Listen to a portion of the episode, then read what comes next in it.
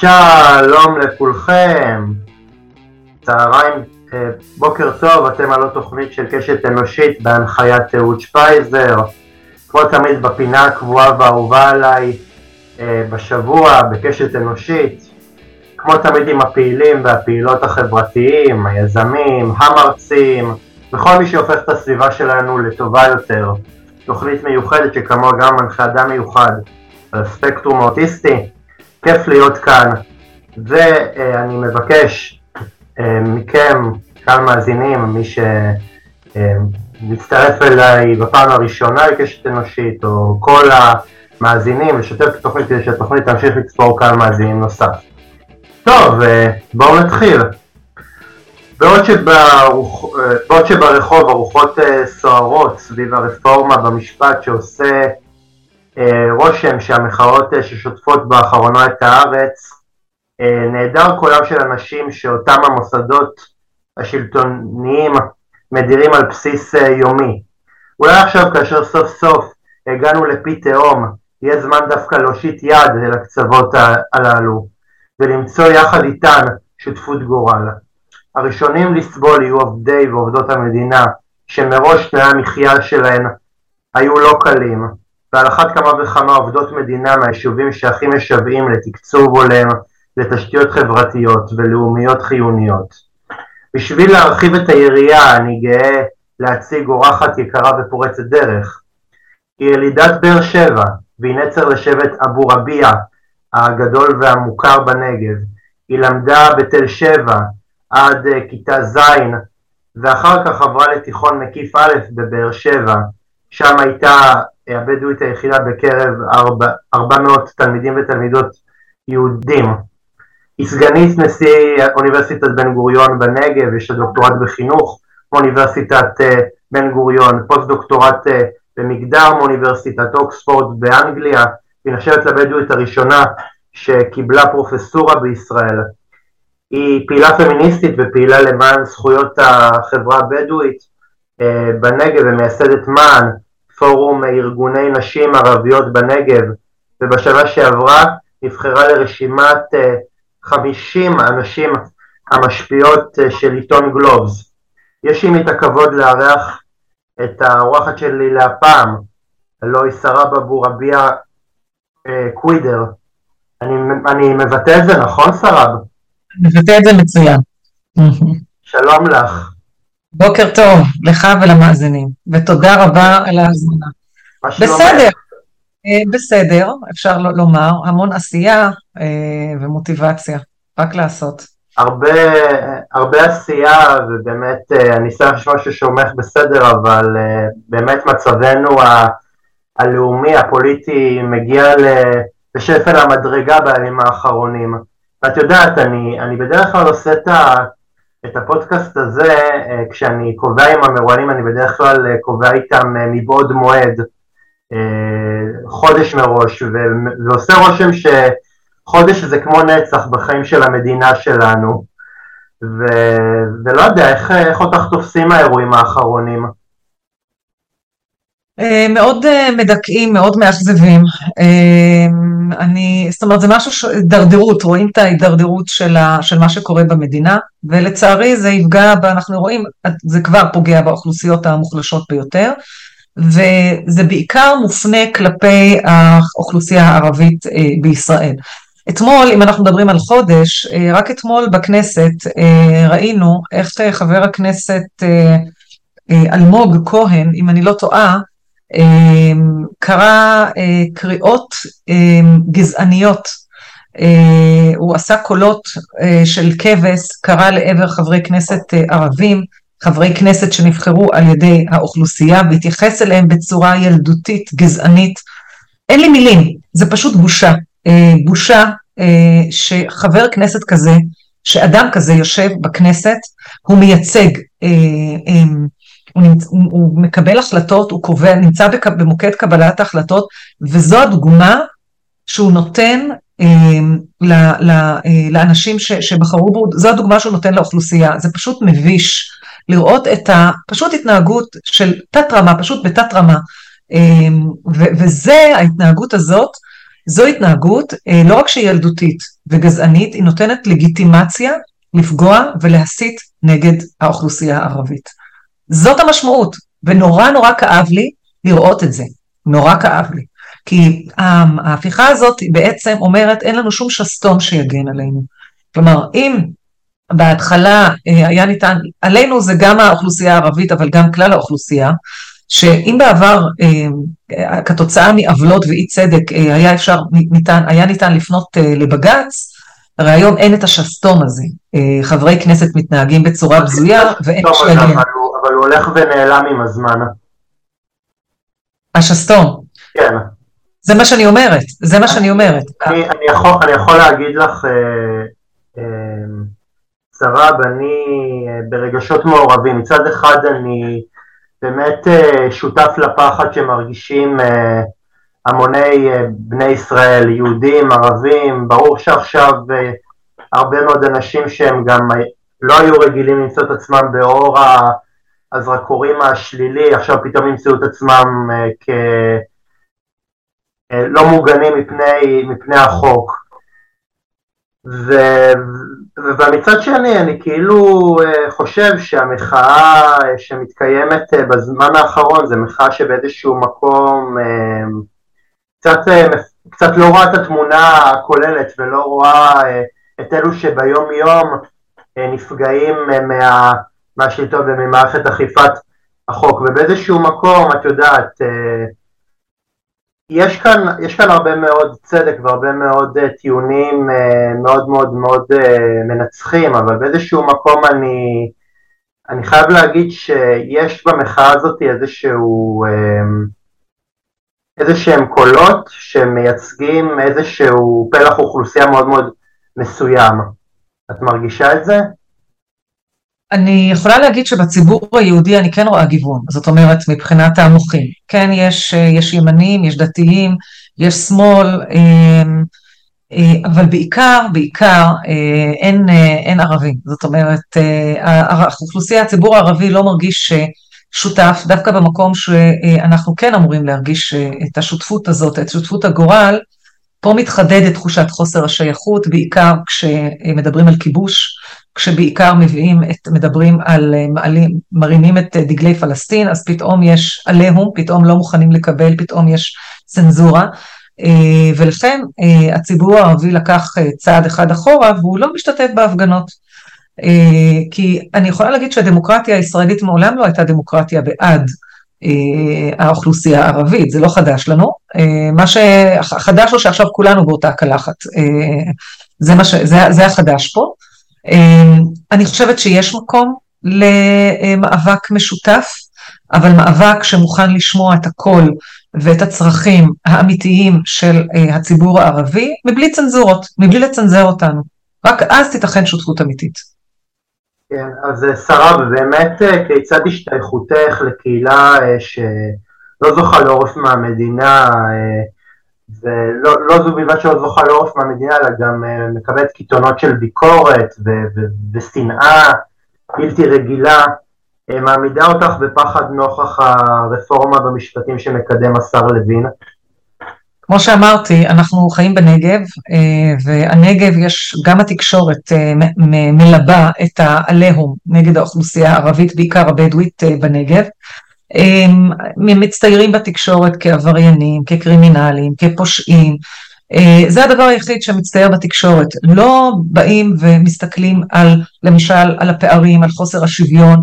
אה, חשוב גם להבין את הסיבות שמובילים לפשיעה. ואנחנו בעד טיפול ומיגור של הפשיעה, אנחנו כן בעד טיפול ומיגור, לא רק אכיפה, אכיפה היא, היא חיונית, אבל לא רק, אלא גם באמצעות חינוך, באמצעות סגירת פערים, ויש פה קשר גם בין פערים לבין הידרדרות לעבריינות ול, ולאלימות. זאת אומרת, היום אנחנו מדברים על נתונים אה, אחרונים שהתפרסמו, בין 30 ל-40 אחוז מהצעירים הערבים בין גילאי 18 ל-22 הם חסרי מס, כלומר הם ללא כל מסגרת. וברגע שהם בלי שום מסגרת, מה שקורה שהם אה, אה, פשוט מידרדרים לפשע. אה, וזה מה שאנחנו רואים היום, ולכן צריך גם לטפל לא רק בסימפטום, אלא לטפל באמת במקור, אה, שזה חוסר במסגרות חינוך, שזה נשירה, ולאתר את זה, לתת תקציבים הוגנים ושוויוניים כדי לטפל בבעיות האלה, ולא להגיד, לבוא ולומר, אנחנו נעמיד שוטרים ותהיה אכיפה, וזה לא הפתרון, זה לא הפתרון. אני חושב שהרבה יותר קל עבור אנשים שכל ראיית העולם שלהם היא לאומנית, להצביע על האוכלוסייה שחיה בנגב, האוכלוסייה הבדואית, כאל, כאל בעיה ולא כאל המצב שהם צומחים ממנו כבעייתי. ו, ואני חושב שהמצב הוא, הוא בעייתי, אני לא אטשטש, אבל uh, אני חושב שהרבה פעמים צריך לשאול מי גרם לכך שהמצב הוא בעייתי, נגיד, נגיד המצב הזה בדרום תל אביב שבו אוכלוסיות מוחלשות חיים יחד עם, עם פליטים, זה לא הפליטים גרמו לזה, זה המדינה גרמה לזה, הרבה פעמים, הרבה פעמים יש לי תחושה שבמדינה הזאת שלנו הרבה פעמים אה, לוקחים את, ה, את הפרט ובאיזשהו מקום עושים עליו עליהום במקום אה, לתמוע על ההקשרים שגורמים לפרט להגיע לאן שהוא מגיע. וזה נראה לי מאפיין כל חברה שעוברת תהליך של, אה, של גזענות, שבאיזשהו מקום, כבר באיזשהו מקום עושים דיס הומניזציה לקהילות, אה, לקהילות אה, מוחלשות, כאילו אומרים אתם, אתם בבעיה, טוב, אתם, אתם, אתם פרימיטיביים, אתם לא מפותחים, אתם לא הולכים עם הקדמה, במקום באיזשהו מקום לתת לאוכלוסיות האלה הזדמנויות לצמוח ולהתפתח. אמ, זה בדיוק מה שאני אומרת, אה, הבעיות אה, בחינוך והפערים לא נוצרו מהאוכלוסייה עצמה. אם אנחנו ניקח היום את רהט, שבטח אין אדם שלא שמע על העיר רהט, שנחשבת לעיר הערבית כרגע הגדולה ביותר, או השנייה בגודלה, אני לא... הגדולה ביותר בישראל, אמ, בקרב בערך 80 אלף נפש, מתוך שמונה תיכונים בעיר, יש לנו רק תיכון אחד שיש בו מגמת פיזיקה ברמה של חמש יחידות, מה שאומר שיש פה פערים ענקיים. מצד אחד ישראל מגדירה את עצמה כאומת הסטארט-אפ, כאומת ה nation, ה start-up nation, מצד שני, אמ, כדי להגיע להייטק ולמקצועות האלה, אנחנו זקוקים למוסדות, כל בוגר היום הוא צריך להיות בוגר של חמש יחידות מתמטיקה ופיזיקה, וברגע שבעיר אין לך מורים ויש לך כיתת פיזיקה אחת, מה הסיכוי של האוכלוסייה הזאת להשתלב בהייטק? זה מצד אחד. מצד שני, אני יכולה גם להעיד על התופעות החיוביות אה, שאני רואה היום והשינויים, שמאז שאני התחלתי ב-95, אה, התחלתי את ה... ללמוד באוניברסיטה, באוניברסיטת בן גוריון, אני זוכרת שהיינו שמונה סטודנטיות אה, בדואיות, כל אחת הגיעה מיישוב אחר, מכפר, מחמולה אחרת, וזאת הייתה הפעם הראשונה שאנחנו נפגשנו באוניברסיטה, והיינו מיעוט. היום בערך 70 אחוז מהסטודנטיות הבדואיות הם, מה, מהסטודנטים, מקהילת הסטודנטים הבדואים הם נשים. ומיעוט גברים. כלומר, היום אנחנו רואים הרבה מאוד נשים שנוהרות להשכלה הגבוהה. אתה מדבר איתי היום ואני מסתכלת מהחלון של המשרד שלי, יש לנו יום פתוח.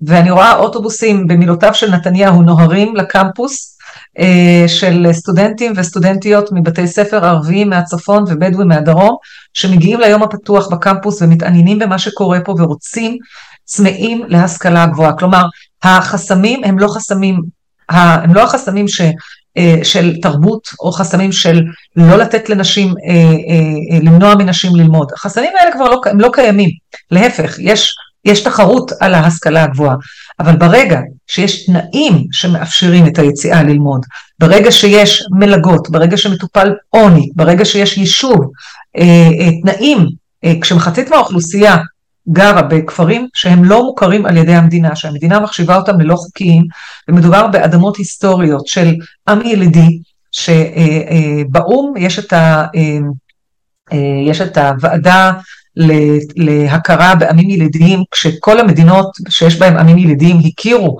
אה, בקבוצות שלהם כילידים, למעט ישראל, לא מכירה בבדואים כילידים ונאבקת עם הבדואים על שלושה אחוז משטח הנגב, שזה כל השטח, במקום ליישב את הבדואים, במקום להכיר באדמות שלהם, במקום לייצר תנאים טובים להשתלבות במדינה, המדינה רק מרחיקה את הבדואים מהמדינה. אמ, ולכן, ולכן אה, צריך, צריך להשקיע, זה הזמן להשקיע. שרה, במה מתבטאת אה, הנשירה של נשים במערכת החינוך ביישובים הבדואיים? אז כמו שאמרתי, היום יש פחות נשירה של, של נשים מאשר בנים, של בנות מאשר בנים, יש יותר עזיבה של בנים, תלמידים מאשר בנות, וזה ניכר בעיקר בתקופת הקורונה. אה, בתקופת הקורונה אה, לבנות היו יותר, אה, זאת אומרת לבנות בגלל המאפיין השמרני של האוכלוסייה הם בעצם דבקו ודגלו בלימודים. בנים נשרו מכיוון שמדובר, עזבו את הלימודים, הלכו לעבוד כבר בגילאי 13-14 כדי לקלקל את המשפחה. עכשיו הם עזבו לא בגלל, לא רק בגלל זה, יש פה גורמים מצטלבים, הרי בבתי ספר אין, לא היה אינטרנט, אין לימודים מקוונים כמעט ולא התקיימו. ולכן האופציה הייתה לא לשבת בבית, אלא לצאת ולעבוד ולעזור למשפחה, במיוחד כשאנחנו מדברים על יותר מ-70% מהמשפחות הבדואיות שחיות מתחת לקו העוני. אה, אז היום אין נשירה של בנות, כמעט ואין. אה, להפך, אה, המצב הוא הרבה יותר טוב מבחינת הבנות, הרבה יותר גרוע מבחינת הבנים. אבל את יודעת, שרה, כשראיינו אותך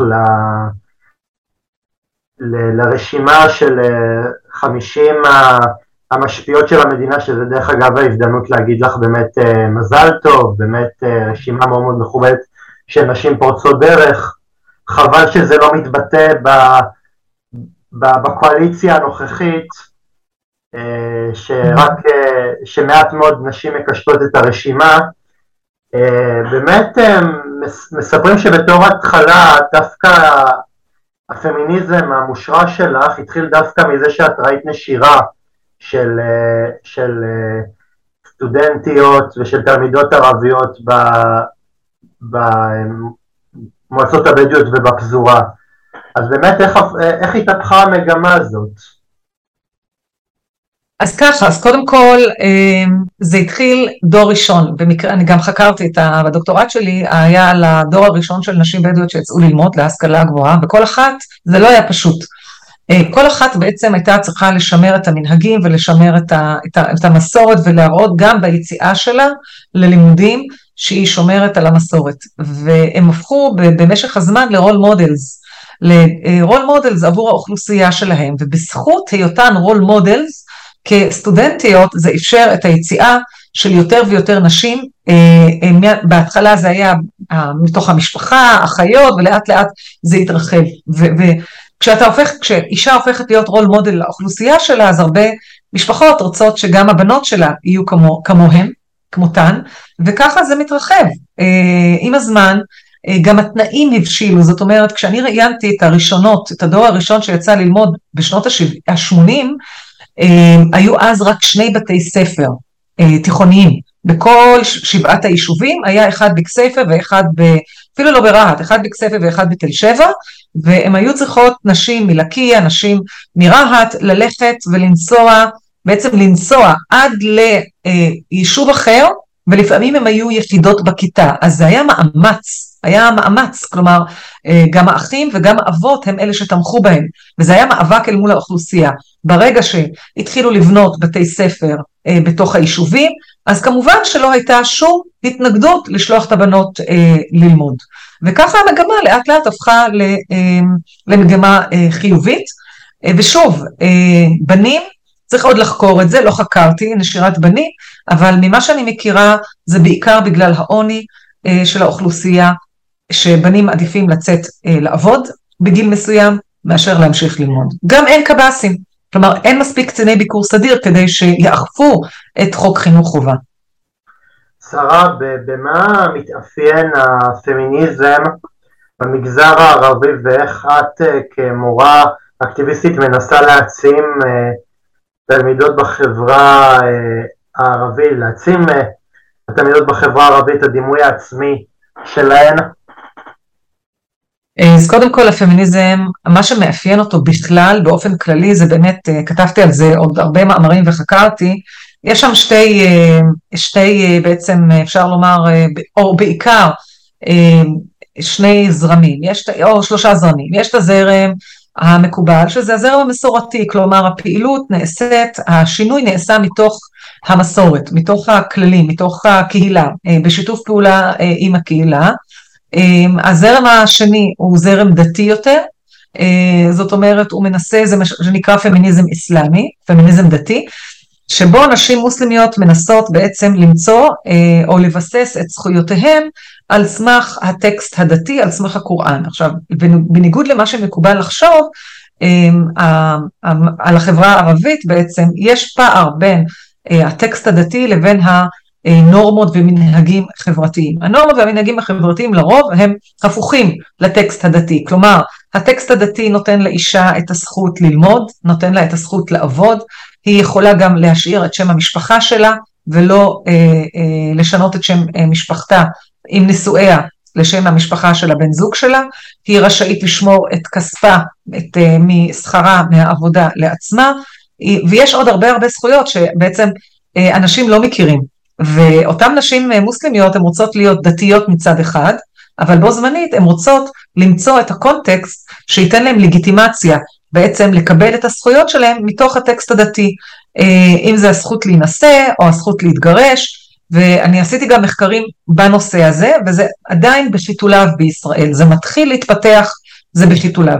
את יודעת, את יודעת, שרה, הרבה פעמים כשמדברים על אה, נשים אה, ערביות, אה, מוסלמיות, הרבה פעמים הסטריאוטיפ הוא של נשים כנועות, נשים שהבעל הוא נותן את הטון במשפחה והוא תמיד משליט ככה את חיטתו על, ה, על הנשים, ו- והרבה פעמים אה, אני כאילו, אה, אני לא מבין על מה מדברים, כי מצד אחד נכון יש את הדימוי, אבל מצד שני כשיוצאים אה, החוצה לעולם, לישראל, רואים פמיניזם ערבי בפריחה, ב- נראה לי בשעת הזוהר שלו, רואים מה שקורה בתוניסיה, רואים מה שקורה גם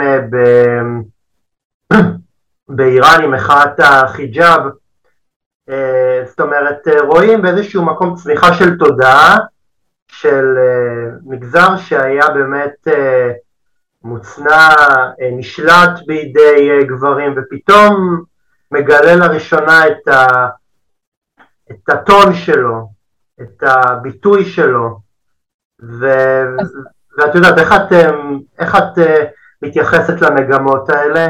קודם כל הן מגמות מבורכות, אבל אני אגיד שגם בעולם הערבי יש הבדלים בין המדינות. למשל בתוניסיה זה לווה, זה היה, היא הראשונה בעצם, אה, שחוקקה אה, חוקים, כלומר זה, זה היה מלווה בחקיקה בחוקי המדינה, למשל האיסור על פוליגמיה, אה, למשל האיסור להינשא מגיל כלשהו, כלומר זה מלווה בחוקים, בחוקים שקשורים לדיני אישות.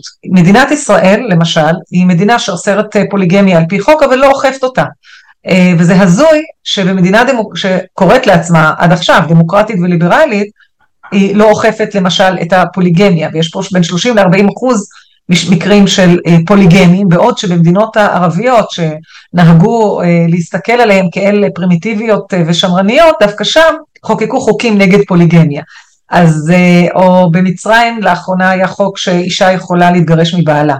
כלומר, אה, כן, אה, זה תלוי שוב במי שעומד בראש המדינה, כלומר בממשלה, זה, זה תלוי, אבל הפעילות הפמיניסטית היום היא פעילות בעולם הערבי, היא רחבה, היא בועטת, וזה, זה, וזה תוצר של הרבה מאוד שנים, של השכלה, של תעסוקה ושל פיתוח מודעות בעצם לנושא הזה. שרב, מה הם היום החסמים שעומדים בפני אה, נשים בדואיות שלא שפר עליהן אה, מזלם להתקדם אה, אל עבר תואר באקדמיה? למרות שאני הזכרתי שהרוב היום זה נשים, אלה שלא הצליחו זה יכול להיות בעיקר חסמים שהם לימודיים, כלומר אין להם את התנאים הדרושים, חסם של שפה, חסם של תעודת בגרות, בעיקר חסם הפסיכומטרי, שלא הצליחו להתקבל. לפעמים יש גם חסמים כלכליים, כן, של אה, הם, הם, אין כסף במשפחה כדי אה, להוציא נשים ללמוד, אבל כשאני אומרת היום 70% מהסטודנטים שלנו הם, הם סטודנטיות, וזה לא רק באוניברסיטאות בארץ, אנחנו מדברים היום על יציאה מחוץ לגבולות ישראל, זה יכול להיות גם באירופה, זה יכול להיות ב, אפילו בירדן, זה יכול להיות אפילו בגדה, היום יש יציאה ויש צמא ל- לרכוש ולצרוך השכלה גבוהה, אה, ומעטות אלה שלא, אה, שלא יוצאות, ואלה שלא יוצאות יכול להיות שהם באמת בגלל החסמים האלה של אה, לא מצאו את עצמן באקדמיה, ואולי ימצאו את עצמם במקומות אחרים, אבל זה, זה רגיל בכל חברה. ובאופן כללי, אני באיזשהו מקום חושב על זה שהרבה פעמים פסיכומטרי זה זה כלי שהרבה פעמים uh, הוא, הוא מתנה לפריבילגים והוא באיזשהו מקום אסון לאנשים שבאיזשהו מקום יש להם חסמים אקדמיים ואני הרבה פעמים רואה uh, אנשים uh, מהיישובים הבדואים שהרבה פעמים uh, מספרים על זה שנורא נורא קשה להם לצלוח את השלב הזה. ובאמת אני חושב על זה שבאיזשהו מקום מישהי כמוך באוניברסיטת אה, בן גוריון, זה הרבה פעמים אה, מתנה, כי את אה, מכירה את המצוקה הזאת ואת גם יכולה לעזור לאנשים האלה להשתלב באקדמיה. אז, אז יש לנו בעצם לבדואים תוכנית שנקראת שער לאקדמיה, שהיא תוכנית שמאומנת גם על ידי הוות"ת, על ידי הוועדה לתכנון ותקצוב, שהכירה בחסם הזה, בחסם הפסיכומטרי, הוא באמת חסם משמעותי, אה, הפערים בין סטודנטים, בגלל מערכת חינוך שהיא מוחלשת, אה, ואני לא אכנס לפרטים של המוחלשות של המערכת, אבל הנתונים על זכאות לבגרות וזכאות לבגרות אה, איכותית שמתאימה לאוניברסיטה, או בגרות מצטיינת או מצוינת, הפערים באמת ניכרים בסטטיסטיקות. עכשיו, מה שאנחנו עושים בתוכנית הזאת, סטודנטים בדואים נכנסים אה, עם מבחני מיון אה, מאוד אה, פשוטים, עברית, אנגלית ומתמטיקה, ועל סמך זה הם נכנסים לתוכנית, ובתוכנית יש להם את ההזדמנות במשך שנה, ללא פסיכומטרי, ללמוד באשכולות שמבוססים על אשכול הנדסה, אשכול מדעי הטבע, אשכול בריאות, אשכול מדעי הרוח והחברה, ויש שם קורסים מפקולטות שונות, מדיסציפלינות שונות, ובסוף השנה, על סמך אותם ציונים, הציונים האלה הם אלה שיקבעו אם הם ייכנסו ויתקבלו לפקולטה אליה רצו או לא. אני חייבת לומר שבזכות התוכנית הזאת, היא התוכנית בעצם תוכנית ההצלה אה, לחברה הבדואית, בזכות התוכנית הזאת הצלחנו להכניס גם אה, בהנדסות, במדעי המחשב, במקצועות הבריאות, אה, להעלות את מספר הסטודנטים. במקצועות האלה, וזה גם הרחיב את התודעה, את המודעות בקרב האוכלוסייה עצמה לקיומם של מקצועות אחרים, חוץ מרפואה, עבודה סוציאלית וחינוך. ולמרות זאת, למרות זאת, גם אנחנו באקדמיה נתקלים בחסמים נוראים, פערי השפה. לא יכול להיות שסטודנט ערבי מהנגב שלומד 12 שנה במערכת חינוך, בבתי ספר, הוא, הוא מסיים והוא לא יודע לדבר משפט בעברית. אה, מכיוון שהמצב מערכת החינוך הבדואית זה מערכת החינוך המוחלשת ביותר במדינה, אני חייבת לומר, אה, עברית נלמדת כשפה שנייה ולא כשפה ראשונה, האנגלית היא שפה שלישית, אה, יש את בעיית ההעתקות שאני שומעת עליה ממורים ומתלמידים, ויש פה, יש שם קושי גדול, אפילו במינוי מורים, במינוי מנהלים. לא, זה תמיד משגע אותי שאצל היישובים ה... הערביים, העברית זאת אה, שפה אה, שנייה, ולעומת זאת אה, ביישובים היהודיים, אנגלית זאת שפה שנייה וערבית זה באיזשהו מקום בונוס. בונוס, בדיוק, כן. תראה, כן, זה לא רק שערבית, מה זה שפה שנייה? שפה שנייה זה אומר שהטקסטים, אני בגיל 18 הייתי מורה. כשהתחלתי ללמוד, גייסו אותי להיות מורה בתיכון, ולימדתי שם עברית. אני רואה, הטקסטים, הטקסטים, של ה, הטקסטים שלומדים בכיתה ו' או בכיתה י', זה טקסטים שמתאימים אולי לכיתה א' במגזר היהודי, הם לא טקסטים, גם, גם סוגי השאלות, סוגי שאלות שהם אה, של מה ולמה, ואין שם חשיבה ביקורתית, אין שם קריאת טקסט ביקורתית, אין שם הם, הם, שאלות של, בדרגה של מיומנויות של חשיבה, אה, של כתיבת טיעון, הילדים שלי למדו בבית ספר דו-לשוני, מכיתה ג' לימדו אותם איך כותבים טיעון, מה זה טקסט טיעוני, מה זה כתיבה טיעונית. אה, ולצערי אנחנו במקום שסטודנט בדואי יתחיל את אה, שנה א' אה, מנקודה שהוא רוצה להסתכל קדימה, הוא נאלץ להתמודד, פה מתחדדים הפערים שהוא מגיע איתם. הרב, כיצד הנשירה בחינוך בחברה אה, הערבית קשורה בקשר מסיבתי להידרדרות לפשע? כן, אז אמרנו את זה בהתחלה, כמו שאמרתי, יש לנו 30 עד 40 אחוז מגילאי צעירים בגילאי 18 אה, עד 22 שהם חסרי מעש. כלומר, כל אלה שנושרים אין מסגרות. היום אם תסתכל על היישובים הערבים, אין מסגרות לצמצום נשירה, אין מסגרות לנושרים, אין בעצם עשייה איתם, ומה שקורה זה המקום שלהם, כש, כשיש ואקום הם מידרדרים לפשע, לאלימות, לעבריינות. אגב, עבריינות גם בתוך היישובים, גם כלפי הציבור הערב, האוכלוסייה הערבית עצמה, שהיא זולגת גם לציבור היהודי. כן. אמ, שרה, ברוח הימים האלה, כיצד את חושבת שהמאבק נגד הרפורמה במשפט תייצר אה, שיתוף פעולה בין אה, יהודים לערבים? אני, כן, כמו שאמרתי, אני מאוד מקווה שנוכל לייצר אה, שיתופי פעולה. תראו, אין לי, תראה, אין לי הרבה, האמת אין לי הרבה תקוות בעניין הזה, כי אנחנו כבר רואים ניסוח, ניסוחים של כל מיני הצעות חוק, אמ, אה, כנגד, אה, אמ, אה, קודם כל היישובים הבדואים, כן, על הריסת יישובים, הריסת בתים, אמ, אבל אני חושבת שהשותפות היא, היא צריכה להיות, אני רוצה לראות את הציבור היהודי באמת יוצא להפגין כשהורסים בתים בנגב, כשמכניסים סטודנט לכלא, אה, כי הפגין אה, נגד, אה, נגד המדינה או נגד איזשהו, אני רוצה לראות את הציבור היהודי גם עומד לצידנו במצוקות שלנו, ולא רק זקוק לקול הערבי, אם זה בממשלה או אם זה בכנסת או, או אם זה גם, או אפילו, ואפילו במחאה.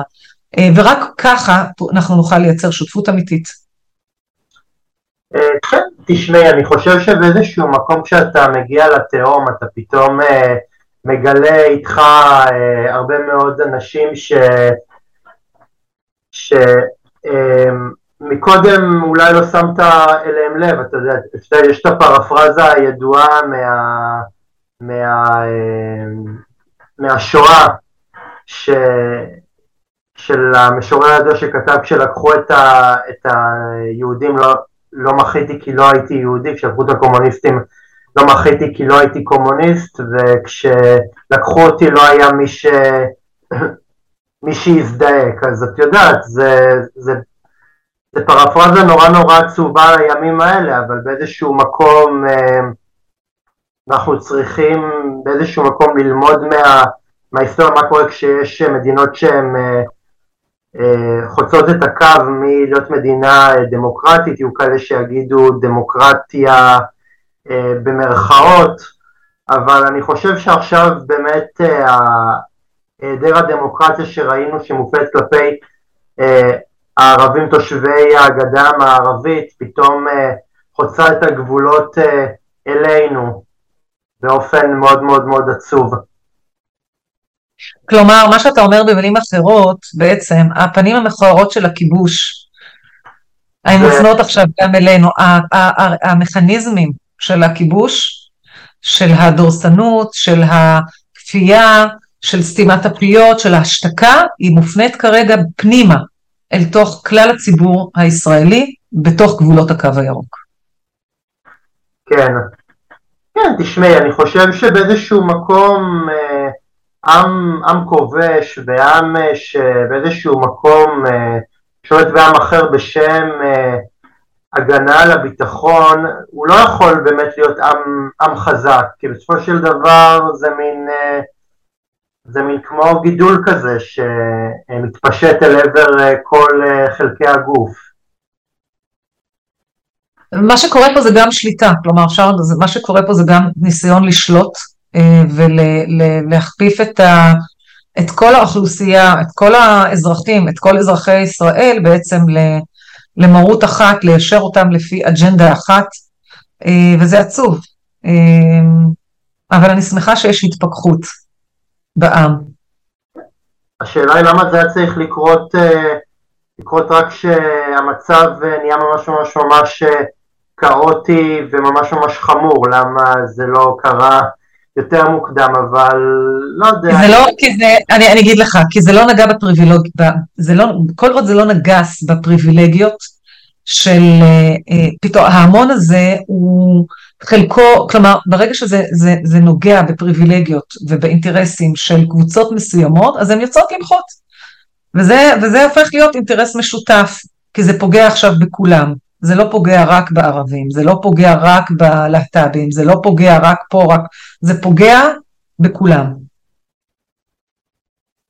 איי, שרה, לקראת סיום, כיצד כן. את מאמינה שניתן לגשר על פערים חברתיים מתוך מערכת החינוך? השקעה תקציבית קודם כל, צריך ממש לנער את מערכת החינוך, צריך להשקיע יותר, להעמיד את הילד במרכז, בעיקר כשמדברים על, על חינוך ערבי, צריך להשוות נתונים, לייצר את התנאים האלה של באמת לתת לילד, לילד להיות במרכז, להעצים את הילד, ויש לנו הרבה לקחים שאנחנו צריכים ללמוד גם מהקורונה. הקורונה היא, היא, היא יצרה קשיים עבור, גם עבור תלמידים מצטיינים, זה לא רק המוחלשים, על אחת כמה וכמה כשמדובר במוחלשים, אבל גם מצטיינים, היא יצרה בעיות נפשיות, והיא יצרה בעיות, יצרה בעיות חברתיות, והיא היא, היא, היא השפיעה, ולכן מערכת החינוך היום צריכה באמת להשקיע יותר בעיניי בלמידה רגשית. אני רואה את זה קורה בכמה, אני רואה את זה קורה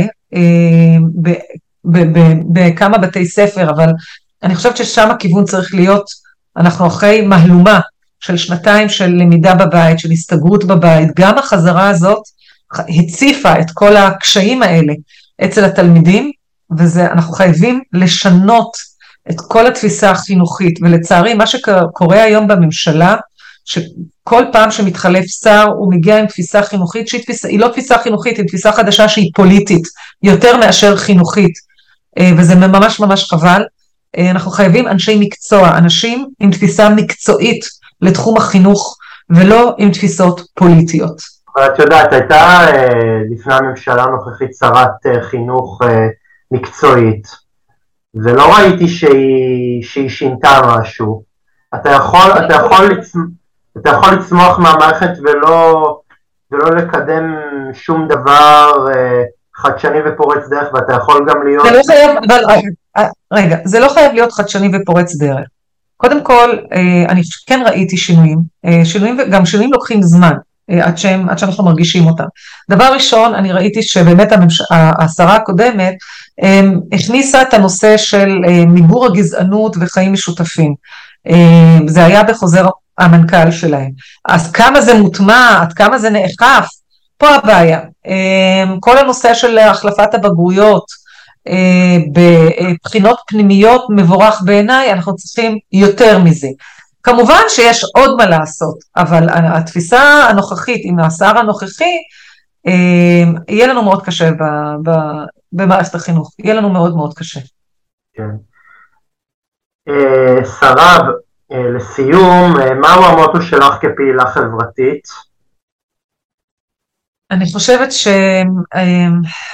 שקודם כל לא להרים ידיים, אבל אנשים, אני חושבת שאנשים יזכרו לנו את הדברים, את הדברים האמיצים שעשינו, וישפטו אותנו על הדברים הפחדניים שאנחנו אה, נמנענו מהם, כשהיינו צריכים להיות שם. את מדברת על עצמך אה, כפעילה או באופן כללי אה, כמוטו כללי כזה, מין מצפן... כפעילה, כפעילה שבמשך השנים נגעה בסוגיות טבואיסטיות, אה, סוגיות שלא רצו לדבר עליהן, אם זה בחברה הערבית, אם זה בחברה הישראלית.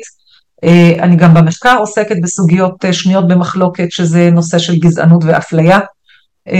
אז צריך להיות אמיצים כדי באמת לגעת בנושאים הכואבים, ולא להימנע, לא להירתע מהם. כי שוב, אנשים, ההיסטוריה תזכור את המעשים האמיצים והיא תשפוט אותנו לרעה על, על, על אותם מעשים פחדניים. שרב, זה היה לי לעונג ואני חושב שבאמת את אומרת דברים אה, אמיצים ונכוחים שראויים להישמע ואני מאוד מאוד מודה לך ואני מודה לכם קהל מאזינים יקר, אתם הייתם על אה, קשת אנושית עם אהוד שפייזר כמו תמיד בימי שלישי ושישי בשביל ליצור איתי קשר להתראיינות בתוכנית נא לפנות אליי למשפט טלפון 050 353-1729 או למייל אהוד שפיזר שטרודלג'ימל.קום תודה רבה לכם, אה, שבוע טוב ולהתראות.